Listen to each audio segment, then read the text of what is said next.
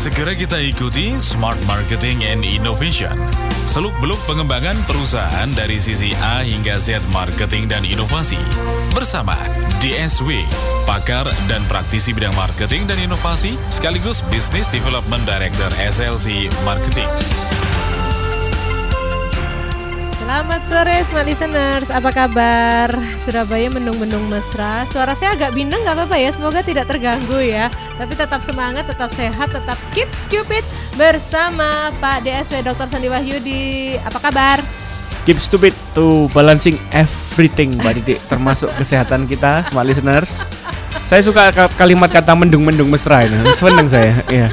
Tapi Emang mendung ini membuat suasana hati menjadi lebih apa ya yang pacaran merindukan sang pacar gitu ya. yang pebisnis Betul. aduh kok semangat menurun gitu ya galau-galau gimana tapi tetap balancing everything Mbak Didi ya 2019 kita sudah punya tema Mbak Didi hmm, hmm. kita mention aja nanti di bulan Januari ya oke okay. keep stupid tuh titik-titik oh.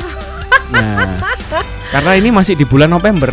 Oke okay, oke okay, ya, oke. smart listener semua ternyata pendengar kita itu banyak Pak Didi. Uh, uh, uh, uh. Karena sesekali selalu saya disapa, uh -huh. kemudian malam minta tanya materinya tadi, uh -huh. boleh Pak di share oh, gitu iya? kan.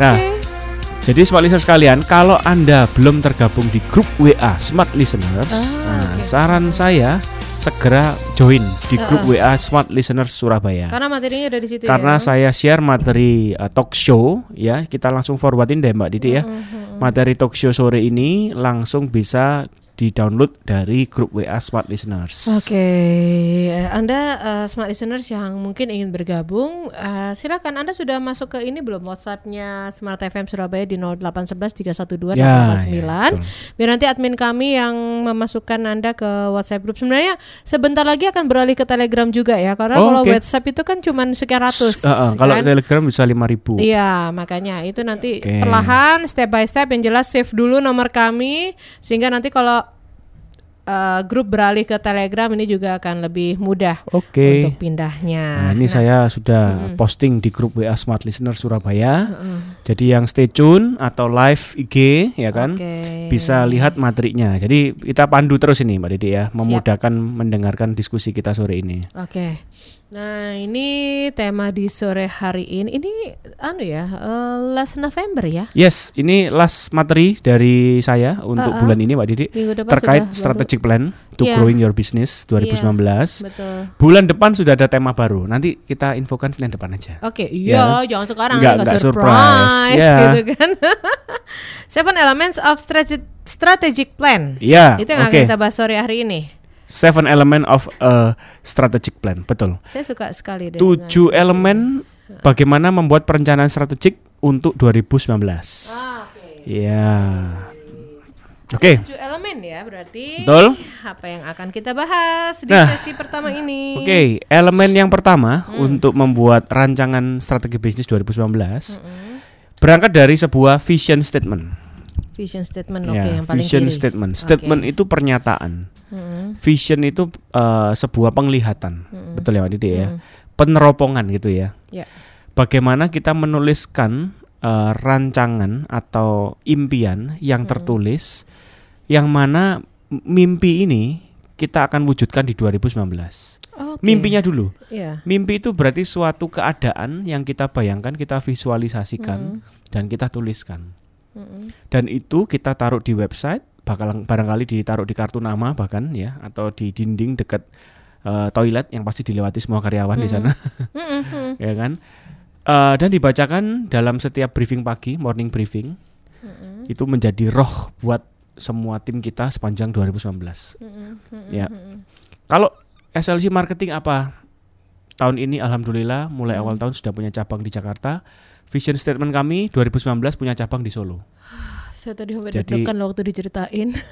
jadi kurang lebih tahun depan kita akan running satu bulan itu tiga acara sekaligus, Mbak Didi. Mm. Jakarta, Surabaya, Solo sekaligus. Itu mulai Januari. Keren. Nah, itu vision statement yang harus dituliskan dan dijalankan nantinya. Mm. Mm. Demikian smart listener sekalian kalau Anda punya eh, cabang atau pabrik ya atau mm. tim yang tersebar di Jakarta bisa ikut acara kami di Jakarta atau yang di Jawa Tengah bisa ikut ya. yang di Solo. Solo. Ya. Dan ini sebenarnya vision-vision yang ada selama ini dan hmm. divisualkan. Nah, ini kan akhirnya tahun ini uh, berkiprah sampai ke Jakarta. Ya. Terus tahun dan depan klien-klien sudah terbentuk di Jakarta dan uh. saya sudah hidup saya seminggu di Surabaya, seminggu uh. di Jakarta. Bakal mungkin hidup saya di Surabaya lebih dikit lagi, Mbak Didi, uh -uh. karena harus keliling ke Betul. kota lain. Nah, cerita dong uh, sedikit ke ya. smart listeners vision statement ini implementasinya gimana Betul. di SLC marketing? Oke, okay. Jadi SLC marketing ini udah nggak terasa enam tahun Mbak Didi. Iya, ya? Iya, enam tahun. Saya sendiri disupport oleh Kompas di Smart FM ini mm -hmm. sudah tahun keempat mau tahun kelima mm -hmm. tahun depan ini luar biasa nggak terasa. Um, Connectpedia itu adalah salah satu buah karya kami yaitu bagaimana memfasilitasi rekan-rekan partner konsultan yang kawan-kawan saya. Hmm. yuk kita sama-sama kembangkan Indonesia ini lebih baik dari segi sistem bisnis mereka. Dari para UKM ini bisa skill up bisnis mereka lebih baik. Mereka butuh support kita semua. Bukan hanya strategi bisnis marketing inovasi yeah. tapi dari perpajakan dari IT dari branding dari Akhirnya logistik. ya?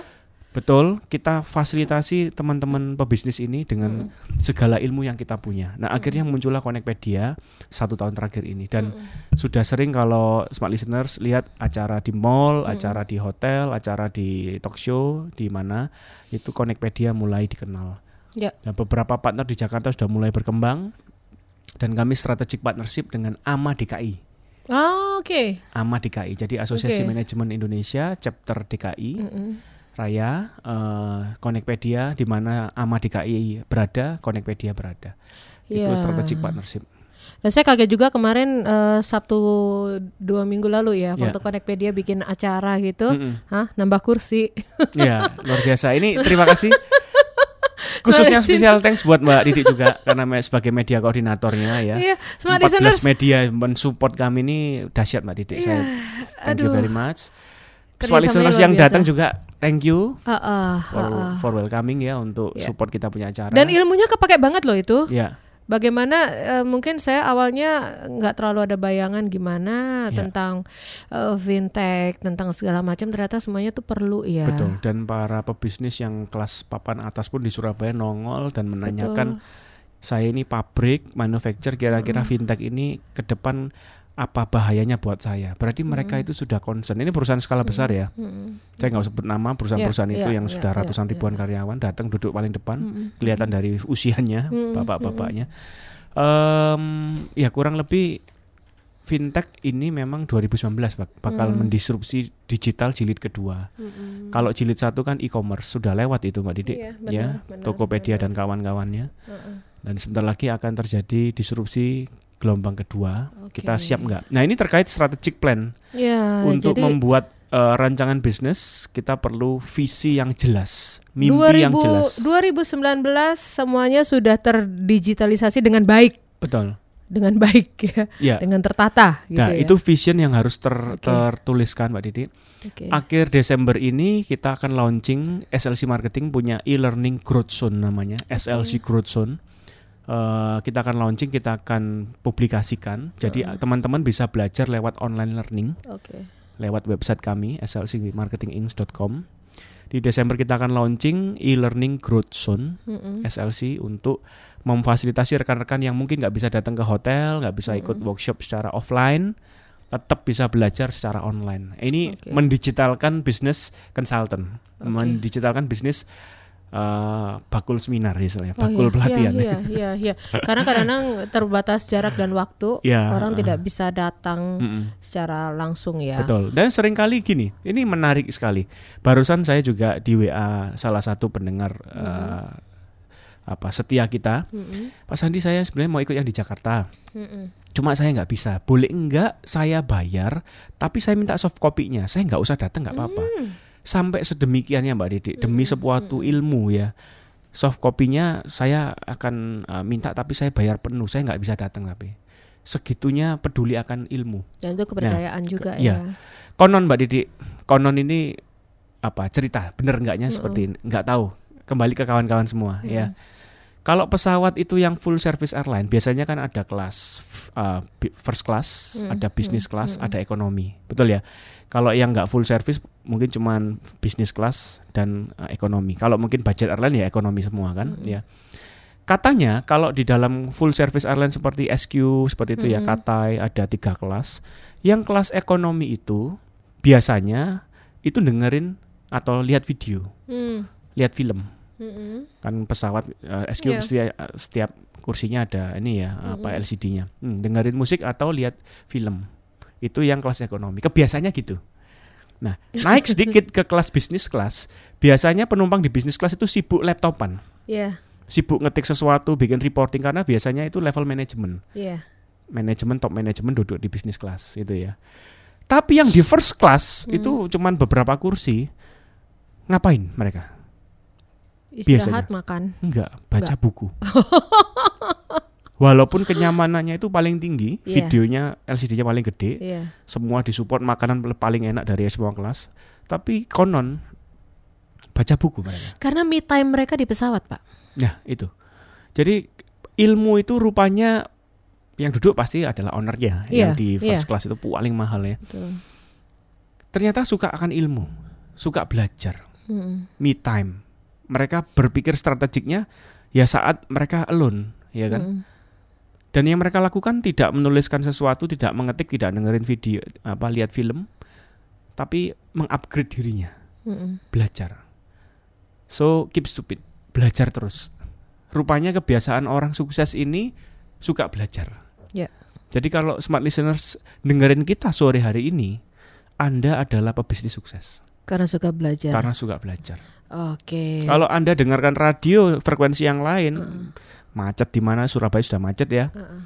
Ya, pasti macet lah ya, Senin apalagi. Oke. Okay dengerin aja Smart FM. Gak kerasa konter macetnya. Iya. saya karena kalau ilmu kan betul, gitu ya. Sudah sampai di tempat tapi acaranya belum selesai karena betul. masih di mobil iya, sampai selesai. stay tune terus 889 yeah. jangan pindah ke frekuensi mana pun. Dengerin khususnya tiap Senin sore jam 5 dengan DSW. Iya, yang masih di kantor dan juga masih mengikuti kami via streaming sambil nunggu kemacetan mencair. Selamat menyimak obrolan kami juga dan sama sore untuk Pak Sani yang nyapa kita nih oh, Pak halo, Pak Sani dari sore Mbak Didi dan Pak Sandi. Terima kasih ya, sudah bergabung mm -hmm. ya. Dan smart listeners, uh, kami akan lanjutkan uh, topik kita di sore hari ini seven eleven uh, seven elements of strategic plan. Yes. Tadi baru satu elemen yang dibahas vision statement. statement. Apalagi yang lainnya setelah jeda berikut. Smart Marketing and Innovation, Seven Elements of Strategic Plan. Tadi sudah dibahas tentang vision statement. Yang ini belum apa ya namanya katakanlah Anda mau memulai sesuatu yang baru, jadikanlah ini vision statement tuh sesuatu yang Anda tanamkan di perusahaan ya Pak ya. Mm-hmm, betul. Tulis di mana-mana sampai semua visi, yeah. semua apa yang harus kita raih di 2009 tuh masuk ke sel-sel para semua karyawan. Ya, betul. Dan mereka bisa ketemu. membayangkan apa yang bosnya bayangkan. Iya betul betul betul menyamakan visi itu yang hmm, susah. Hmm, betul. Dan bos itu kan punya visi yang kadang-kadang uh, terlalu melambung. Hmm. Nah nggak kelihatan gitu. Tapi kalau misalnya bisa disampaikan seperti ini. Ya tapi gini sebenarnya terkadang bosnya kalau mau menyampaikan visinya kadang hmm. merasa nggak siap. Ah. Karena gini, waduh aku nih kalau ngasih tahu sekarang kalau nggak jadi kenyataan yang paling malu aku. Itu kenapa Terus, banyak visi-visi yang disembunyikan. Betul Oke. Okay. Kalau saya punya prinsip gini, taruh jarum di pantat. Gak jadi, enak loh. Jadi kursi kalau kita mau capek kan yeah, mesti mau duduk. Betul. Tapi kalau kita mau duduk sakit karena jarum, Betul. karena kita pasang jarum di pantat. Ini yeah, mohon maaf yeah. agak kasar ya. Yeah, yeah, yeah, Tapi yeah. kalau kita sudah menceritakan visi itu ke karyawan, seolah-olah kita yeah. kalau capek kita duduk, kita kena jarum itu sendiri, kita yes. berbangkit lagi berdiri, semangat untuk mewujudkan visi itu jadi kenyataan. So we have to fight yeah. gitu kan. Nah, saya punya mimpi selalu saya sampaikan ke karyawan semua tim saya Pak Sandi ini ngimpi, nggak apa-apa, mending kita ngimpi. Sama kok. Saya selalu ilustrasikan Jack Ma tahun 97 98 juga mimpi. Dia cuma menyampaikan omongan ke karyawannya, hmm. ya cuma 18 orang waktu itu. Yang mana karyawannya beberapa sudah nggak ada sekarang hmm. karena merasa hmm. bahwa omongannya Jack Ma itu seperti entut, mohon maaf saya kasar, ya. Hmm. Sudah ada quote-nya sih. Uh, ya. Uh, uh. Jack Ma kalau dulu tahun 98 omongannya seperti entut, uh, kentut, mohon maaf saya kasar, tapi itu kenyataan. Uh, sekarang pun kentutnya Jack Ma dianggap sebagai inspirasi. Mm -mm, mm -mm. Kalau sudah berhasil seperti sekarang. visi dia tuh melambung banget loh di saat itu. Yeah. Di waktu itu orang nggak nangkep. Ada saya punya videonya kalau mau mm -hmm. saya share di grup mm -hmm. WA Smart Listener Surabaya. Mm -hmm. Silakan masuk grup WA. Okay. Saya invite karena di sini banyak tips-tips materi bisnis yang saya sharing juga di sini. Uh -uh. Anda bisa akses. Uh, bisa bayangkan sekarang Jack Ma punya 30 hampir 40 ribu karyawan, mm -hmm. ya. Dulu masih 18 orang, pun itu bekerja di tempat tinggal dia, di rumah, di apartemennya mm -hmm. dia di Hangzhou. Dan sekarang mimpinya semua jadi kenyataan dan orang-orang yang bersama dengan dia semua menyesal. yang beberapa yeah, sudah nggak yeah, ada ya, masih ada satu dua yang masih mm. percaya sama Jack Ma dan sekarang jadi pimpinan tertinggi. Iya, dia kan ngomongnya mau pensiun ah gitu Betul. kan, yang wah ketibanan banget tuh yang. Yeah. Bukan bermaksud saya itu. compare dengan Jack Ma, enggak, enggak. saya enggak ah, bermaksud ah. seperti itu, tapi minimal Jack Ma melakukannya orang-orang sukses melakukannya, ngomong ke karyawannya, mimpinya, hmm. walaupun itu diejek, dia nggak masalah. Hmm. Tapi dia berupaya bagaimana mau mewujudkan hal itu. Karena yang sudah diomongkan hmm. Kembali ke dirinya harus dilakukan. Oke. Okay. Ya memang membuat stres, ya. ya. ya tapi kita enjoy aja kalau Tuhan yeah. bersama kita beserta kita pasti ada jalan dan sebagai leader kalau memang yeah. ada di hati followersnya kan biasanya mereka support yeah. apa pun yang setinggi apa pun impian si leader itu mereka bisa paham dan meraih bersama-sama yeah. leadership lagi yang main kalau untuk mewujudkan vision ini mm kan mm oke okay. nah maka disebut vision statement harus dilengkapi dengan mission statement nah Nah, kalau nggak ada mission statement, maka memang benar mimpi di siang hari nggak nggak mungkin mm -hmm. jadi kenyataan nggak ada roadmapnya yeah. jadi yang perlu adalah membuat roadmap membuat mm. peta bagaimana mewujudkan visi jadi kenyataan adalah mm. menuliskan mission statement misi itu tugas saya kasih misi kamu ini ya hmm, saya dapat misi dari komandan saya gitu mm. tugas yang tertulis mm. itu adalah konkret daripada mimpi Contoh waktu itu Jack Ma bilang kita bentar lagi IPO tahun 97 itu di China eh, nggak uh, ada yang IPO dalam bidang IT waktu itu. Tapi Alibaba bilang satu dua tahun lagi kita harus IPO. Guyu hmm. semua itu karyawannya. Tapi dituliskan bagaimana meng-IPO kan Alibaba, yaitu dengan cara dituliskan sama Jack Ma. Hmm. Itu mission statementnya. Hampir tiap malam saya tidur, sebelum tidur saya mesti lihat inspirasinya Jack Ma. Uh, saya punya apa istilahnya sosok yang bisa dijadikan apa ya guru mm-hmm. walaupun belum pernah ketemu secara langsung minggu depan saya ke kantor uh, minggu ini besok hari Kamis saya ke kantor pusat Gojek mm-hmm. diizinkan ada invitation ketemu dengan Pak Nadiem Makarim moga bisa sesuai waktu yang dijadwalkan gitu ya karena beliau sibuk uh, sama dituliskan semua roadmapnya mission yeah, iya. statementnya yeah. tanggal 29 besok hari Kamis saya ke kantor Gojek. Bahkan seorang uh, founder Gojek pun hmm. berdarah-darah untuk bisa mewujudkan Betul. gitu loh. Sekarang sudah sampai ke Vietnam, siapa yang tahu juga kalau dulu hmm. kan nggak nyangka gitu. Ya. Ternyata bisa Sekarang go, ada GoViet. Iya. Ada gitu. GoViet. Bentar lagi ada GoGo yang lain. Jadi kalau sudah punya Jadi, visi harus dituliskan. Dituliskan dalam bentuk mission statement. Ya, cara menuliskannya bagaimana okay. itu kan? Yang pasti adalah berupa verb hmm. kata kerja. Hmm. Ya. Kalau vision statement itu noun. Kalau vision itu noun berupa kata benda. Hmm. To be titik-titik itu kan, mempunyai titik-titik adalah sebuah uh, objek gitu ya. Hmm. Kalau mission itu adalah to do titik-titik ya to apa titik-titik itu kan. Hmm. Verb kata kerja. To mission statement. Oke. Okay. Ya, tugas soalnya.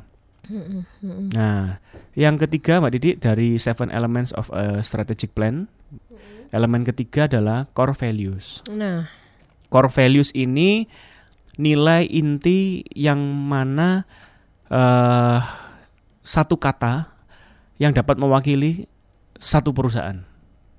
Coba Mbak Didi saya tanya. Satu kata yang mewakili Smart FM apa? Smart. Smart. Hmm. Betul ya karena Smart FM ya. Mm-mm. Tapi dari dulu emang gitu sih saya ah, saya kenapa di sini lama karena ya satu kata bisa, itu. Mm-mm. Satu kata yang mewakili Gojek apa? Kemudahan. Kemudahan. nah satu kata yang mewakili SLC marketing apa? Bukan satu kata ya satu kalimat. Keep stupid ya. itu sambungan lah, disambung aja ya satu kata aja yang disambung. Keep stupid itu core value kami. Oke. Kalau perusahaan Bapak Ibu sekalian, smart listeners, coba satu kata yang mewakili perusahaan Anda secara keseluruhan. Coba pikirkan sekarang juga apa ya. Nah, itulah core values. Ya, ya, ya, ya. Yang ya, menjadi ya. roh daripada uh, perusahaan kita. Satu kata yang mewakili perusahaan kita itu core value Anda. Core values ini uh, katakanlah uh, oke okay, kalau perusahaan baru sekalian di setting lah ya vision, mission dan core value-nya. Kalau perusahaan yang sudah lama merasa core value-nya sudah kurang kekinian. Mm -mm. Gimana itu, Pak? Oke. Okay. Seiring perubahan disrupsi ini, Mbak Didi, ya banyak perusahaan yang mulai mengubah menyesuaikan core value-nya dengan keadaan sekarang. Mm. Itu harus. Mm Karena core value itu yang sifatnya kan mendarah daging di setiap staffnya. Mm Kalau sudah nggak sesuai dengan core value-nya ya harus segera diubah. Hmm. Tapi core value itu biasanya kepada nilai-nilai yang uh, general, yeah. bukan nilai-nilai teknis. Yeah. Ya, kalau nilai-nilai teknis biasanya itu lebih kepada objektif, action uh -uh. plan gitu ya. Uh -uh. Kalau core value ini lebih kepada nilai contoh. Perusahaan saya satu kata, kekeluargaan, misal. Okay, okay, okay, perusahaan okay, satu okay. saya atau apa? Etika. Nah. Uh -uh, uh -uh. Satu mewakili perusahaan saya. Perusahaan saya adalah spiritual. Nah, boleh. Hmm sesuatu yang abstrak kejujuran kejujuran itu nomor satu nah. oke oke oke oke itu value yang value. kapan pun tidak akan berubah lebih langgeng ya kalau core hmm. value itu ya hmm. intinya. Oke, okay. baik. Uh, tahan dulu uh, Pak DSW masih ada empat lagi elemen dari strategic plan yang mungkin ini bisa dijadikan bahan rakor hmm. atau mungkin jadi coret-coretan anda untuk menyambut 2019 nanti. Smart Marketing and Innovation ini merupakan Senin terakhir di bulan November dan kita membahas seven element of strategic plan. Setelah tadi kita membahas tentang vision statement yang harus kita wujudkan dalam bentuk mission statement dan semua itu harus punya core values dan kalau sudah tiga elemen itu apalagi harus kita lakukan Pak nah, DSW? Kita lakukan ini SWOT. SWOT hmm. analysis ya analisa, analisa SWOT. Uh, weakness, opportunity, threat. Mm -mm. Ya, mumpung ini akhir-akhir bulan ya untuk menutup tahun 2018, saran saya sudah mulai melakukan SWOT sejak mm sekarang. SWOT ini berarti kita menelanjangi diri ya. Mm dengan S dan W, strength weakness yang kita punya dan melihat melongok keluar O dan T-nya, opportunity dan threat yang ada di luar. Hmm. Nah, ada pakar yang mengatakan jangan SWOT tapi TOWS, T O W S. Hmm.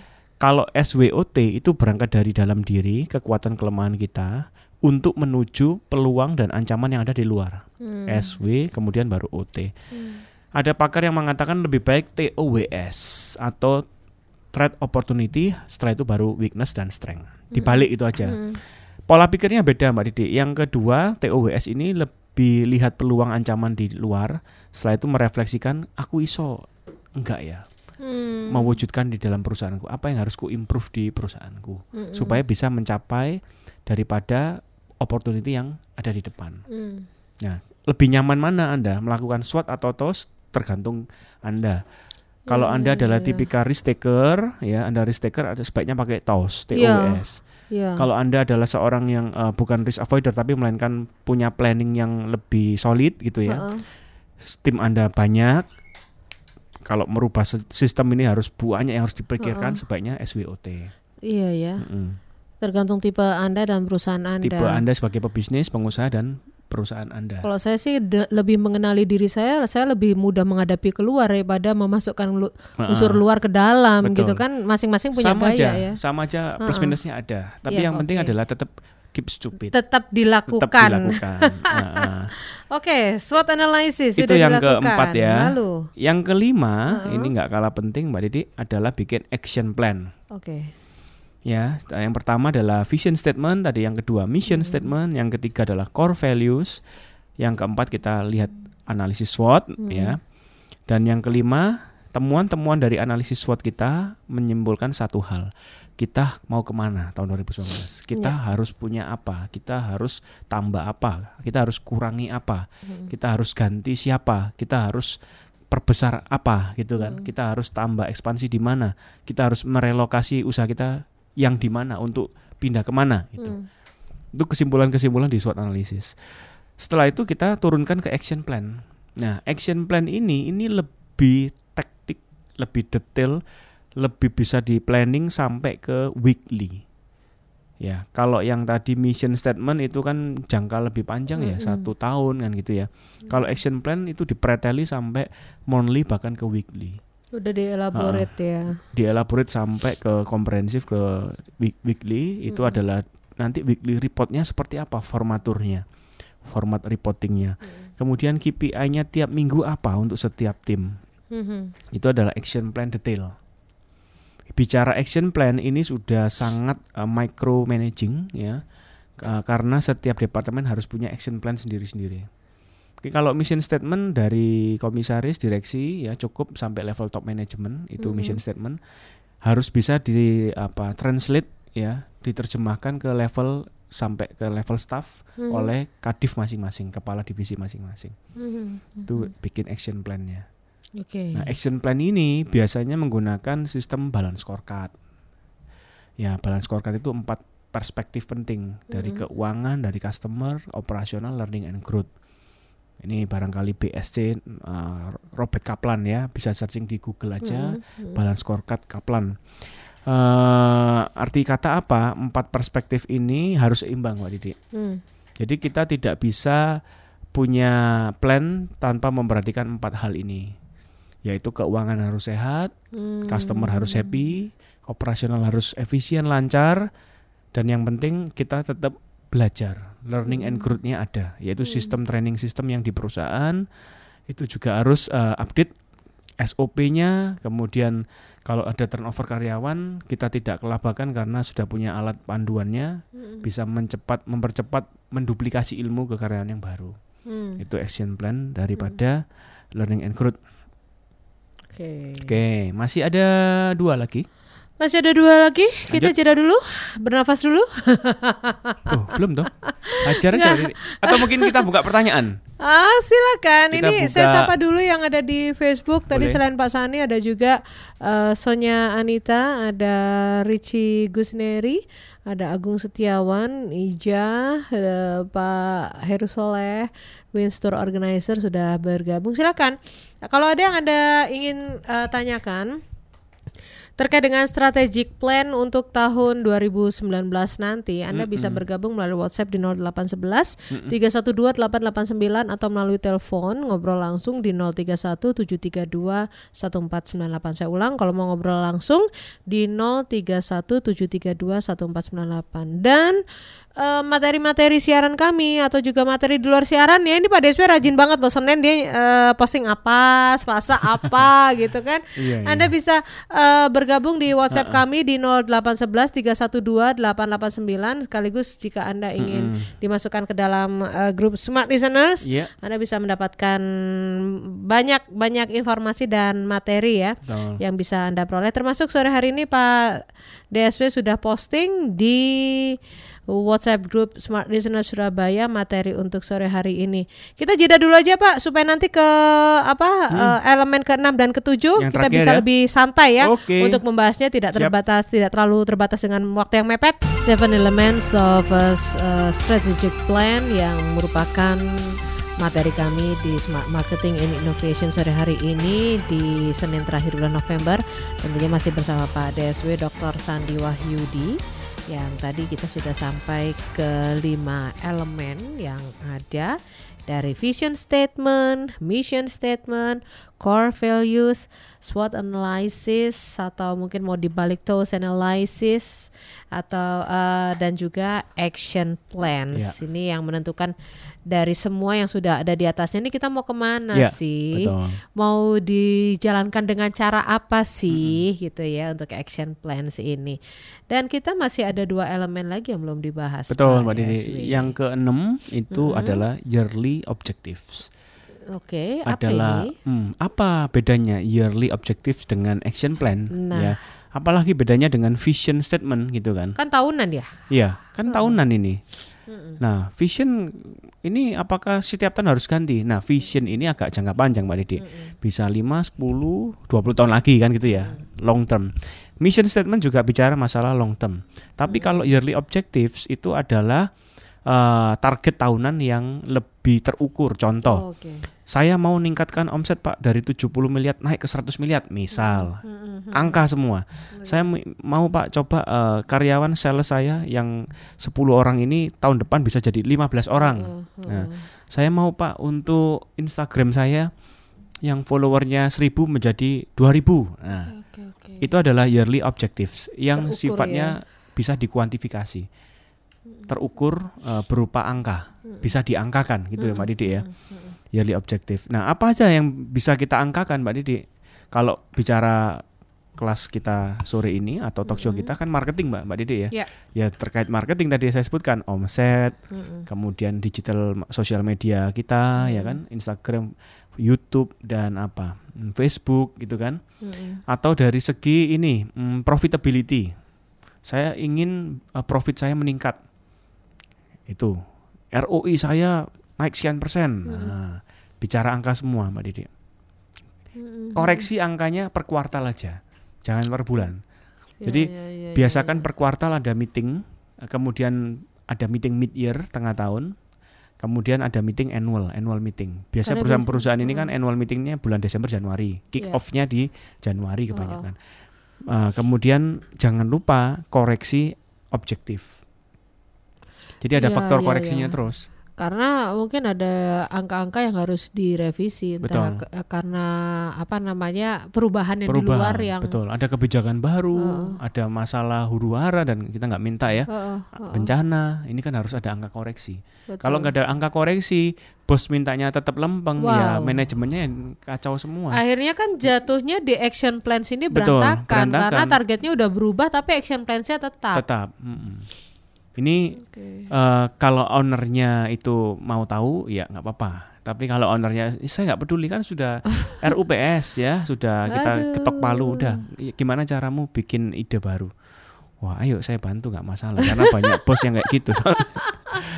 Akhirnya konsultannya yang pusing kepala ya, tapi yeah. merealisasikan. Ya nggak apa-apa pusing kepala itu tugas inovasi. dari konsultannya ya. Iya betul. Kalau nggak gitu kita nggak dibayar, dibayar untuk yang pusing soalnya kan. iya, iya, iya, iya. Oke. Okay. Oke. Okay, ya itu yang keenam, okay. yearly objectives ya. Uh. Yang terakhir Mbak Didi, uh -uh. seven elements of a strategic plan. Uh -uh. seven ya yang ketujuh adalah long term goals. Goal jangka panjang. Apa beda goal dan misi dan visi. Ini Mbak Didi. Mbak Didi saya tanya apa kira-kira beda visi, misi dan goal? Nah, jelas kalau, goals ini kan tujuan jangka panjang ya. Betul. Apa bedanya dengan visi? Enggak, kalau saya long term goals itu apakah itu ada kaitannya dengan lebih apa berupa fisik atau apa aset yang bertambah atau nah, apa? itu, oke. Okay. Kata yang kuncinya, bisa kelihatan. Kata kuncinya Mbak Didi sudah sudah dapat ya. Uh-uh. Kalau vision kan tadi saya bilang to be titik-titik, biasanya uh-uh. gitu visi, menjadi nomor satu di Indonesia, uh-uh. menjadi yang terdepan, menjadi, terdepan, menjadi yang tercepat, tercepat uh-uh. itu kan, itu kan masih abstrak, uh-uh. betul ya. Uh-uh. Kalau mission statement tadi kan menuliskan to do apa, verb uh-uh. kata kata kerja, mewujudkan, mewujudkan betul. Kalau long term goals ini lebih yang tadi Mbak Didi bilang, oh uh. tahun 2030 saya punya 15 cabang. Uh, iya, di setiap iya. kota-kota besar saya punya cabang. Nah, uh-uh. itu adalah long term goals yang kelihatan fisiknya Mbak Dede. Ya. Tapi ya, banyak orang yang ya, mengatakan ya, ya, ya. saya punya visi Pak, bentar lagi saya punya cabang lagi. It's okay, itu kan sebuah terminologi. Hmm, hmm, hmm. Tapi kalau mau kembali ke akademik ya, visi, uh, misi dan goal ini sedikit hmm. berbeda. Hmm. Biasa kalau perusahaan itu menuliskan tiga-tiganya Mbak Dede, tempel di dinding ya, tempel waktu briefing pagi dibacain sama-sama. Hmm. Visi, misi, goal ini uh, tiga hal yang berbeda tapi saling melengkapi. Visi itu yang paling uh, jangka panjang, misi itu cara mewujudkan, goalnya adalah yang tadi Mbak Didi bilang, kita akan punya lima cabang tahun sekian gitu kan. Kita akan ekspansi internasional pada tahun sekian. Nah, mm -mm. Biasa lebih kepada multi years, multi yeah. years goal ya. Sudah di set katakan sampai tahun 2030. Kalau mm -hmm. Mbak Didi mau lihat saya japri aja ya, jangan di grup WA Smart Listeners ya. ya okay. Ini mimpi kami disampai ke tahun 2030. Uh, eh, Pak Deswe, ini kan bulan-bulan, minggu-minggu saat kita bisa bisa bilang mm -mm. setting new goals, setting new objective gitu ya. Yeah. Pertanyaan saya tuh simpel. Ini kan kita banyak yang dibayang-bayangi bahwa tahun 2019 ini adalah tahun yang penuh ketidakpastian. Kita hmm. tidak tahu apa yang akan berlangsung dengan bisnis. Yeah. Untuk target, katakanlah begitu ya. Hmm. Uh, dulu saya pernah dicekoki gini target itu buat yang setinggi setinggi yang kamu mampu, mm -hmm. tapi dalam artian pla, uh, plafon paling tinggi supaya kamu melompatmu juga bisa lebih tinggi. Mm -hmm. Tapi di sisi lain ada yang ngomong target itu jangan ketinggian karena nanti kebiasaan kalau karyawan hanya mencapai 80%, mm -hmm. walaupun itu sudah benar gitu ya, karena yang 100%-nya itu sebenarnya 80% itu. Mm -hmm. Tapi mereka merasa seperti kok gak satu-satu sih capaianku gitu yeah, loh. Yeah, yeah. Ada daunnya juga ini sebenarnya kita untuk menetapkan target, plafon target nah, kita tuh seperti apa? Menarik Mbak Didi. Kalau top manajemen itu bikinnya yang real aja.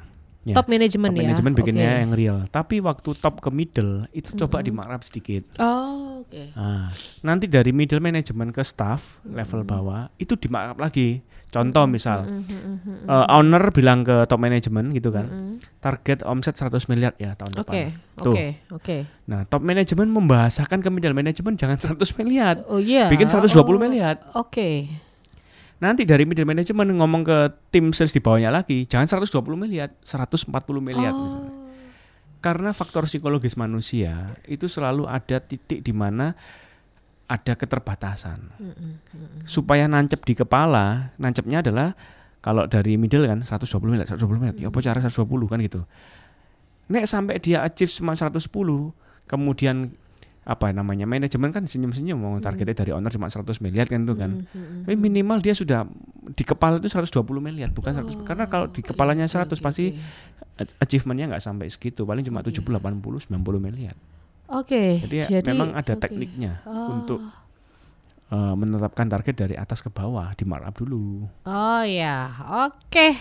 Itu pertanyaan saya kalau di akhir tahun tuh menetapkan target untuk kalau untuk diri sendiri itu gampang gampang susah ya target mm -hmm. tentuin sendiri nah. cari action plan-nya sendiri lakukan yeah. sendiri tapi bagaimana ini sampai ke bawah lini paling bawah ternyata ada kiatnya ya Pak Deswi oh, ini saya barusan menaruh lagi jarum di pantat saya dengan mengirim sebuah gambar itu vision ya, long term goals ke japri ke WhatsAppnya Mbak Didi. Aduh. Ya, terus aduh. Uh, mimpi kami ya okay, SLC Marketing Inc Connectpedia mm -hmm. tahun 2030 kira-kira apa achievementnya.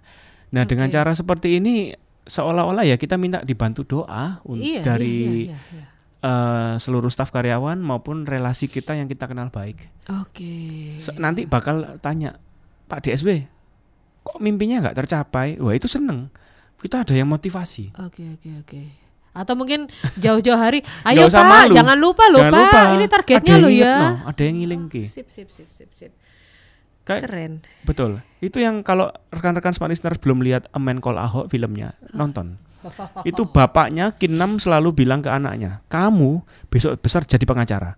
Kamu besok besar jadi dokter. Anaknya masih kecil ya melongo aja tapi sudah papanya ini si Kinam ini ngomong sama kawan-kawannya, anakku ini loh besok besar jadi pengacara, anakku loh besok besar jadi dokter. Gak peduli bapaknya, yeah. tapi itu membuat anak-anaknya memori teringat, iya ya aku kudu jadi dokter gak ngono bapakku izin. Mm -mm. Nonton ini bukan film politik. Yeah. Uh, lebih film kepada nilai-nilai ya, nilai-nilai moral yang nilai -nilai sangat moral. bagus sekali. Oke. Okay. Hmm. Terima kasih loh Pak DSW saya diberi kepercayaan untuk mengetahui target jangka panjang dari ya, SLC Marketing. ini raker nanti uh, uh, perusahaan kami raker akan kita biasa. bahas sama Mbak Didi. Saya juga uh, okay. sudah sangat terbantu dengan Mbak Didi. I love ya. to be the part of it gitu yes. ya. Oke, okay. eh iya tapi kan kita masih ada event lagi ya Pak ya bulan depan ya. Betul. Apa itu? Itu tanggal 13 Desember. Nah, uh, mm -hmm. uh, terkait Wellness Resolution for a Better Business 2019. Uh-uh. Kalau sudah dari Januari sampai November ini bicara terkait bisnis, uh-uh. terus yuk Desember ini kita lebih ke life resolution, resolusi pribadi kita. Okay. Dari wellness kita dari sudut pandang dua, uh-uh. yaitu dari mindset wellness dan healthiness wellness. Uh-uh. Jadi mindset uh, pola pikir itu ada coach Vivit Sambas, uh-uh. kemudian dari segi kesehatan prima kebugaran fisik kita dari coach Kuku Tato. Hmm. Ini adalah Certified hmm. Upkey Master uh, TRX dari hmm. Jakarta. Kalau okay. Coach Vivid Sambas sudah Anda kenal di Sonora tiap Selasa jam yeah. 10 pagi. Oke. Okay. Seorang NLP trainer certified, certified di bidang uh, mindset. Nah, changing. Ini biasa ya langsung daftarnya ke mana ini Pak DSW? Uh, bisa ke kantor aja atau uh. ke WA saya juga monggo okay. ya. Di 081 7379 377. 081 7379 377. Kalau okay. mau harga spesial harus masuk grup WA Smart Listener Surabaya dulu. masuk di sana, sapa saya di sana dapat harga khusus. Iya. Karena sudah jadi resmi anggota keluarga Smart Listeners. Ah. Harus masuk grup WA Smart Listeners. Nah, jadi Anda mendapatkan banyak keuntungan kalau bergabung bersama WhatsApp grup Smart Listener uh, Smart yeah. Listeners ya. Memang namanya uh, WhatsApp grup Smart, Smart Listeners, Listeners Surabaya. Oke. Kesimpulan untuk obrolan kita di sore hari ini adalah dan kesimpulan di bulan November ini Mbak Didi yeah. ya strategic plan to growing your business um, plan kita itu harus dibikin hmm. tapi nanti kalau terjadi perubahan jangan ragu untuk mengubah plan hmm. kita berbagi mimpi saya sharing visi ke Mbak Didi uh, long term goals kalau ada perubahan jangan sungkan untuk minta pendapat Hmm. Nggak usah stres. Dan ini Jadi, kan ada di bulan beberapa bulan yang lalu harus betul, agile. Agile, yes, lincah. Uh, Oke. Okay. Nggak usah terlalu stres kalau sudah bikin. Pak saya nggak mau bikin plan. Soalnya apa? Stres aku mewujudkannya. Oh. Mending mengalir saja oh, seperti air. No. Nah, mengalir nggak ke mana-mana kata. Ya, ya, ya, ya ke mana-mana nah. tapi nggak jelas. ke mana-mana okay. nggak jelas ya, itu. itu penutupannya Pak Didi. Keren bulan November ini. Ya, bikin kasih. plan tapi tetap agile. Wah. Siap, nggak nggak sabar menunggu Desember dan setelah itu memasuki Januari ya. Nanti Desember masih ada satu event lagi bersama SSC Marketing yes. dan juga waktu kita pamit dulu ya Pak DSW ya. All. Saya Didi Cahya. Only marketing can drive innovation. Saya DSW Dr. Sandi Wayudi hanya, hanya untuk Smart, Smart FM. FM.